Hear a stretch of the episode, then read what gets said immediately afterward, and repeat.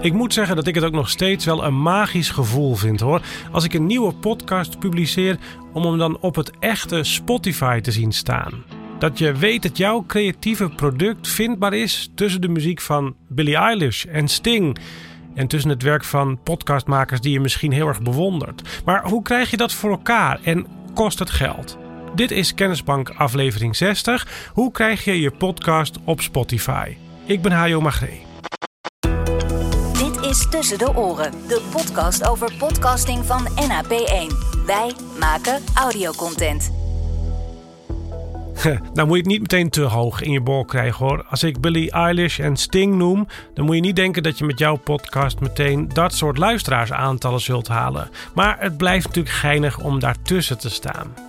Ik wil ook niet beweren dat het nou heel eenvoudig is om op Spotify terecht te komen. Er zitten echt wel een aantal stapjes in het proces. Je moet het even doorhebben hoe je dat voor elkaar moet krijgen. Maar het is aan de andere kant misschien ook makkelijker dan je denkt. De drempel is ook weer niet zo hoog. Ik heb dit proces trouwens eigenlijk al uitgelegd hoor in de afleveringen hiervoor. Die gaan over podcast hosting en over je RSS-feed.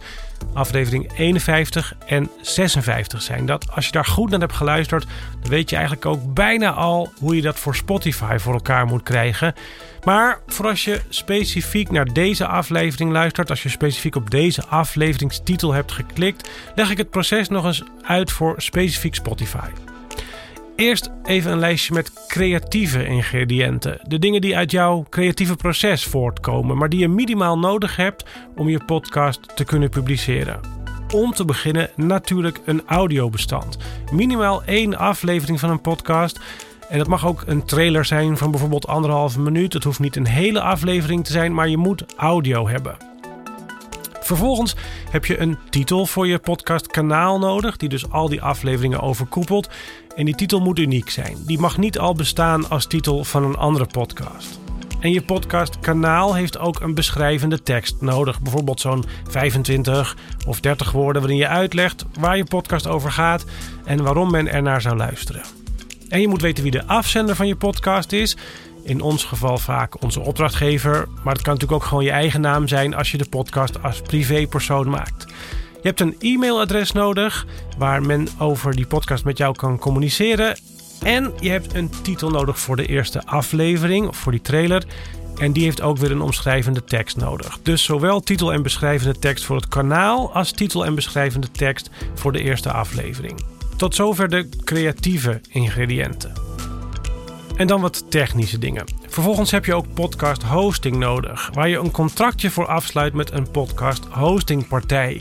Meer daarover in aflevering 52. En het antwoord op de vraag die ik aan het begin stelde: kost het geld om op Spotify te komen? Is hierbij dus eigenlijk ja en nee.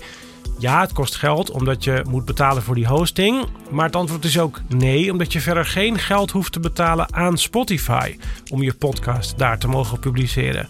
Ook niet per beluistering. Nou, al die ingrediënten uit dat creatieve proces die ik hiervoor noemde, die kun je allemaal uploaden en invullen bij die podcast hostingpartij. En als dat allemaal klaar is, dan haal je daar bij die hostingpartij je RSS feed op. En dat is een link naar een speciaal soort webpagina. Vervolgens maak je een account aan bij Spotify voor Podcasters. En op het moment dat ik deze aflevering maak, is het adres daarvan podcasters.spotify.com. En als je dat account bij Spotify voor Podcasters hebt aangemaakt, dan kun je daar op het knopje Add or Claim Your Podcast drukken. En dan vraagt Spotify om je RSS-feed. Die vul je in, dan krijg je een verificatiecode gemaild. En als je die ook invult, dan neemt Spotify je podcast op in hun catalogus. En meestal is het dan zo dat na ongeveer een half uur je podcast al vindbaar is in de Spotify-app. En zo, zo krijg je dus je podcast op Spotify. Dat was het. Je kunt de informatie uit deze aflevering ook terugvinden in de podcast Kennisbank op onze website. Dit was Tussen de Oren van NAP1. Wij maken audiocontent. NAP1.nl